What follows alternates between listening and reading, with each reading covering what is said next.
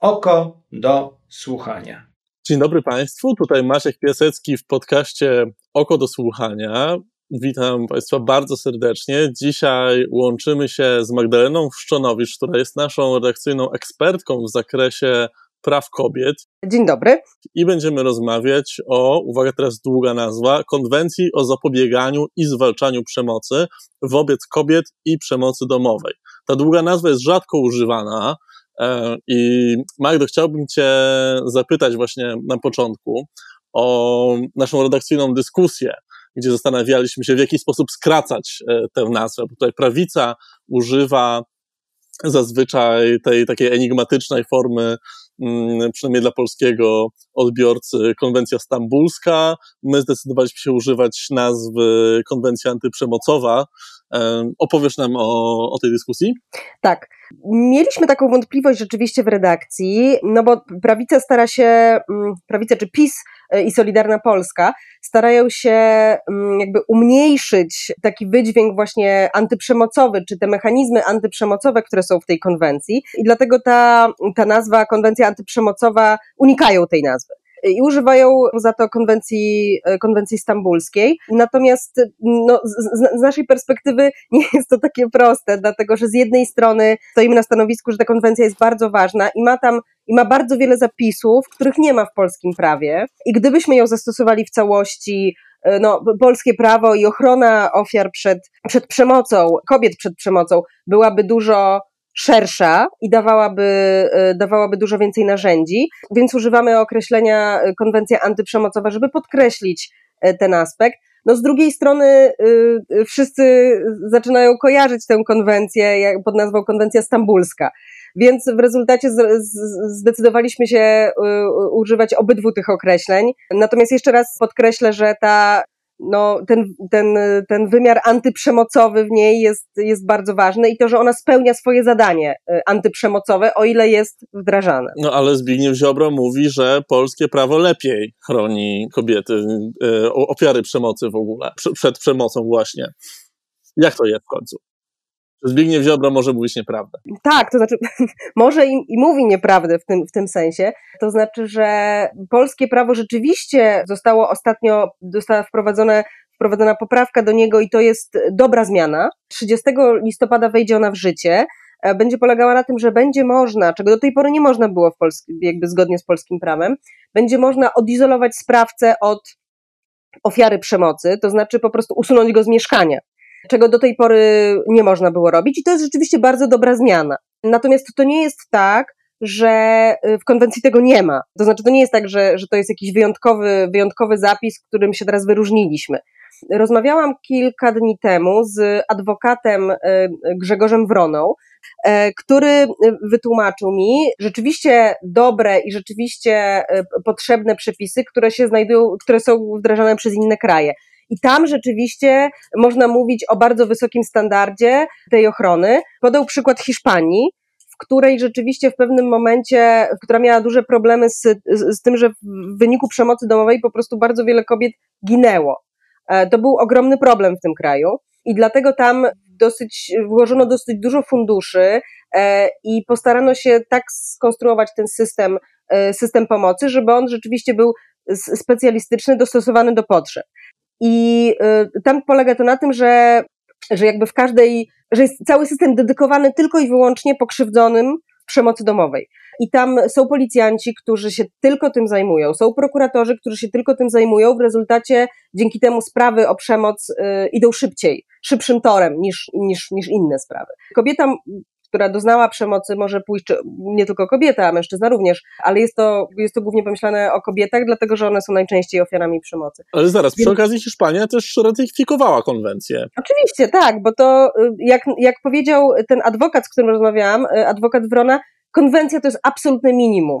To jest minimum tej ochrony, którą powinniśmy mieć. I, I Hiszpania ją oczywiście ratyfikowała, ale nawet, e, nawet kraje, które jej nie ratyfikowały, na przykład Wielka Brytania, idą w stronę rzeczywistych zmian, które rzeczywiście, e, które właściwie zastępują konwencję. To znaczy są kraje, które jej nie ratyfikowały, ale tam ochrona jest rzeczywiście bardzo wysoka. Na przykład w Wielkiej Brytanii to jest, tam jest początek, może to nie jest tak, że już jest bardzo wysoka, ale jest coraz wyższa.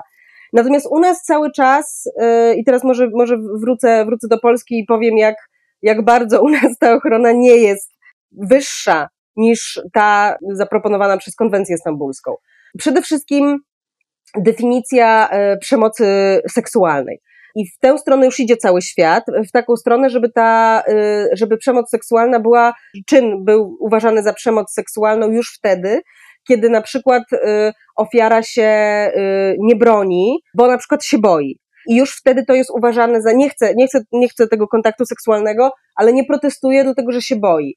Na przykład boi się tego, że sprawca wobec odmowy zrobi coś strasznego, pobije ją, pobije dziecko, zdemoluje mieszkanie. Różne są sytuacje. E, I zgadza się na to, chociaż tego nie chce, zgadza się w tym sensie, że się nie broni.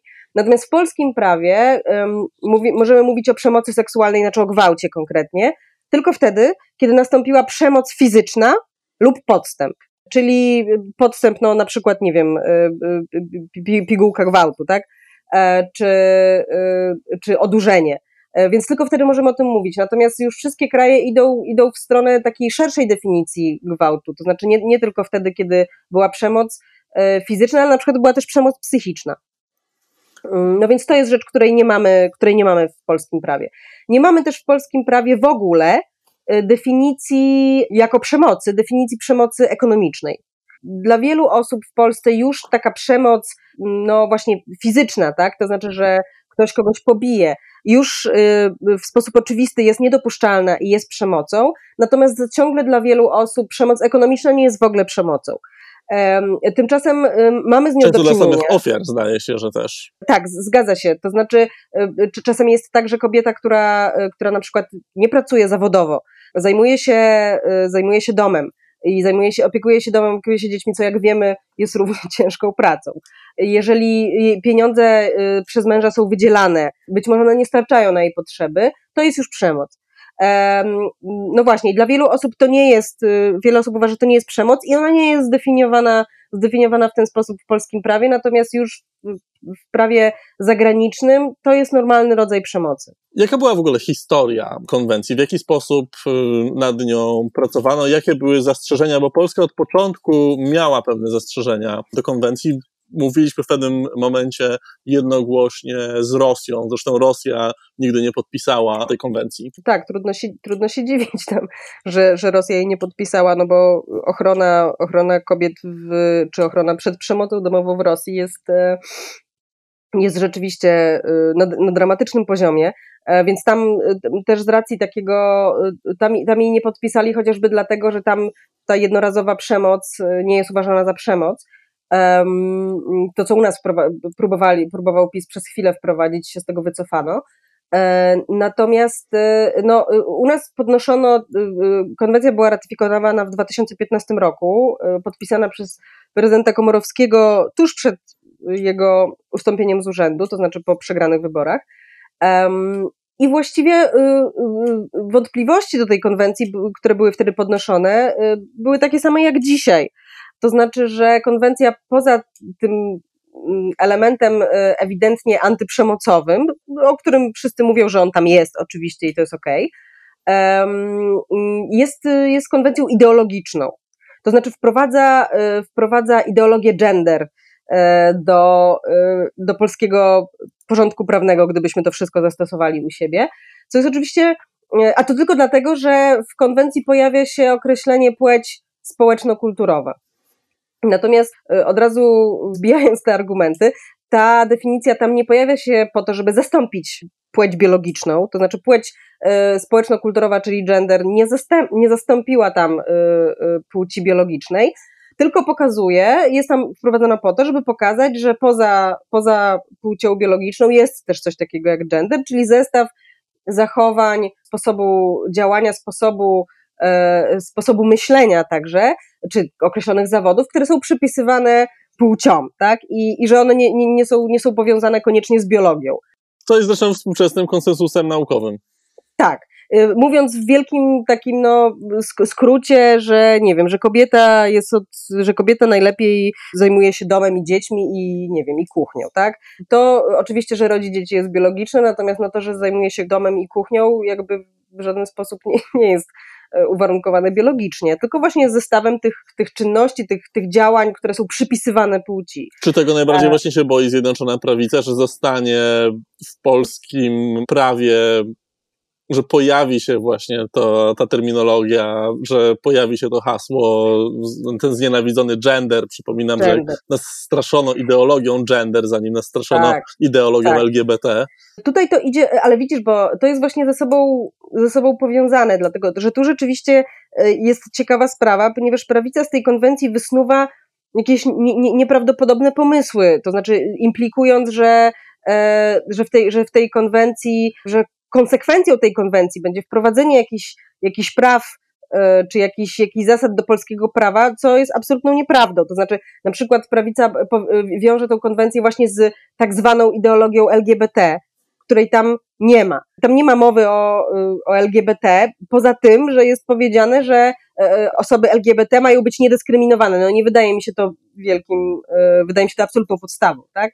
E, natomiast już, już natychmiast z tego jest wysnuwany wniosek, że taką ochronę, no taka, taka ochrona, czyli wszystkie prawa osób LGBT, o które się te osoby upominają i słusznie, że to jest już w tej konwencji. Oczywiście wprowadzenie zapisu, że nie wolno nikogo dyskryminować, no tak jak mówię, jest, jest oczywistością, więc to nie wydaje się specjalnie, może dla polskiej prawicy jest to, jest to rewolucyjne, no ale dla, dla nas nie.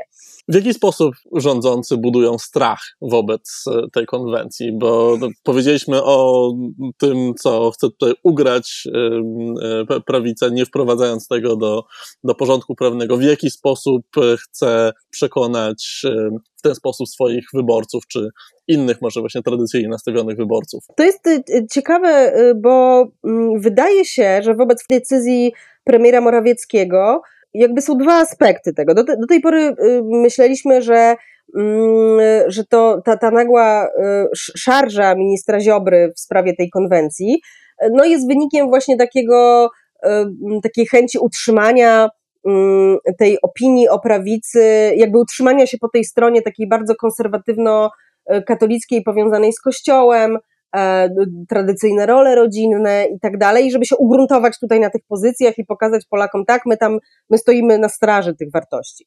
Natomiast teraz, y, y, po tym, gdy widzimy, premier Morawiecki podjął taką decyzję, żeby, mm, żeby złożyć tutaj y, tę konwencję do, do Trybunału Konstytucyjnego i sprawdzić, czy jest zgodna z polską konstytucją, ewidentnie wygląda to na próbę po prostu zamrożenia tej sprawy.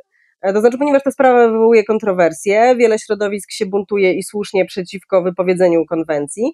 E, w związku z czym premier Morawiecki no, zamroził, tak? Zamroził, zamroził konwencję w, w, u Julii Przyłębskiej w Trybunale Konstytucyjnym. Do tej pory w takich sprawach prawica działała jednomyślnie, E, tutaj widzimy, że, e, że już nie i że jest jakiś konflikt między, między ministrem Ziobro e, i premierem Morawieckim. No nie jest to konflikt oczywiście nowy, ale teraz on jakby w, tak no, się pokazał w całej krasie, że tak powiem. W związku z czym widzimy, że, że tu są dwie, jakby dwie strony medalu. Znaczy jedna jest taka, że oczywiście ugruntowujemy swój wizerunek tradycyjnej katolickiej partii mocno powiązanej z Kościołem katolickim. Przypomnę, że w 2015 roku biskupi bardzo mocno protestowali przeciwko ratyfikacji konwencji i tutaj idą ręka w rękę z, z prawicą, a z drugiej strony y, konwencja została wykorzystana do no, walk frakcyjnych tak, w obozie rządzącym. Y, więc tutaj, więc jakby są, to, są, to są te dwie sprawy. Nie do końca odpowiedziałam na twoje, na twoje pytanie, ale wydawało mi się, że, że ważne jest, żeby pod, podkreślić, że, że ta konwencja to nie jest tylko, y, że gra tą konwencją jest nie tylko kwestią właśnie wartości, które ktoś wyznaje, ale również, y, ale również mm, kwestią tych gier politycznych, to znaczy jest wykorzystywana jakoś tam um, przedmiotowo jako, jako jako element w grze. Bo wiemy, że są różne frakcje w Prawie i Sprawiedliwości. Tak. Wbrew pozorom ten obóz nie jest taki jednorodny, jak może się wydawać. Tak, jeszcze tylko, jeszcze tylko do, y, do, dorzucę, że to, co pytałeś, to znaczy o to budowanie tego strachu przed konwencją, ono się głównie opiera na tym argumencie, absolut, absurdalnym argumencie, o tym, że, że konwencja sprawi, że będziemy musieli wprowadzić do swojego porządku prawnego te 56 płci. E, tam nie ma o tym w ogóle mowy. w ogóle konwencja w ogóle tego nie dotyka. To nie jest temat konwencji. E, więc i wszyscy, i wszyscy na, znaczy kilka osób na prawicy to powtórzyło e, ten, jakby ten, ten argument. Między innymi między innymi e, mm, kuratorka oświaty z Małopolski Barbara Nowak i to się powtarza, ale to się powtarza też u samych polityków e, PiSu. No jest to e, jakby jest to rodzaj budowania, mm, budowania właśnie takiego takiego strachu przed konwencją, no bo wydaje nam się, że teraz nastąpi rewolucja, będziemy musieli wprowadzić jakieś nie wiadomo co, czego nie rozumiemy, tak, bo, bo, bo, bo prawdopodobnie większość, większość Polaków nie rozumie o co chodzi z 56 czy tam więcej, jak czasami mówią politycy PiS, płciami. E, jeszcze raz mówię, tam A, a publiczne media na pewno tego nie wytłumaczą, tylko tak. przekażą tutaj informacje, właśnie nawet nie, nie, powiedzą o tym, co znajduje się w konwencji, tak. a powiedzą, zobaczcie, jakie tutaj straszne dziwactwa chcą wam w polskiej tak. tradycji e, zaprowadzić. Dokładnie tak jest. Magdo, dziękuję Ci bardzo za tę rozmowę. Państwa zachęcam do obserwowania naszych artykułów na ten temat, również właśnie artykułów, które pisze Magdalena Szczonowicz. Zachęcam Państwa do wspierania Okopres, do wspierania moich koleżanek, kolegów, którzy robią świetną robotę, z którymi mam okazję porozmawiać e, dla Was tutaj w podcaście. Mm, jeszcze raz e, dziękuję Ci, Magdo, i do zobaczenia za dwa tygodnie. Dziękuję, do zobaczenia.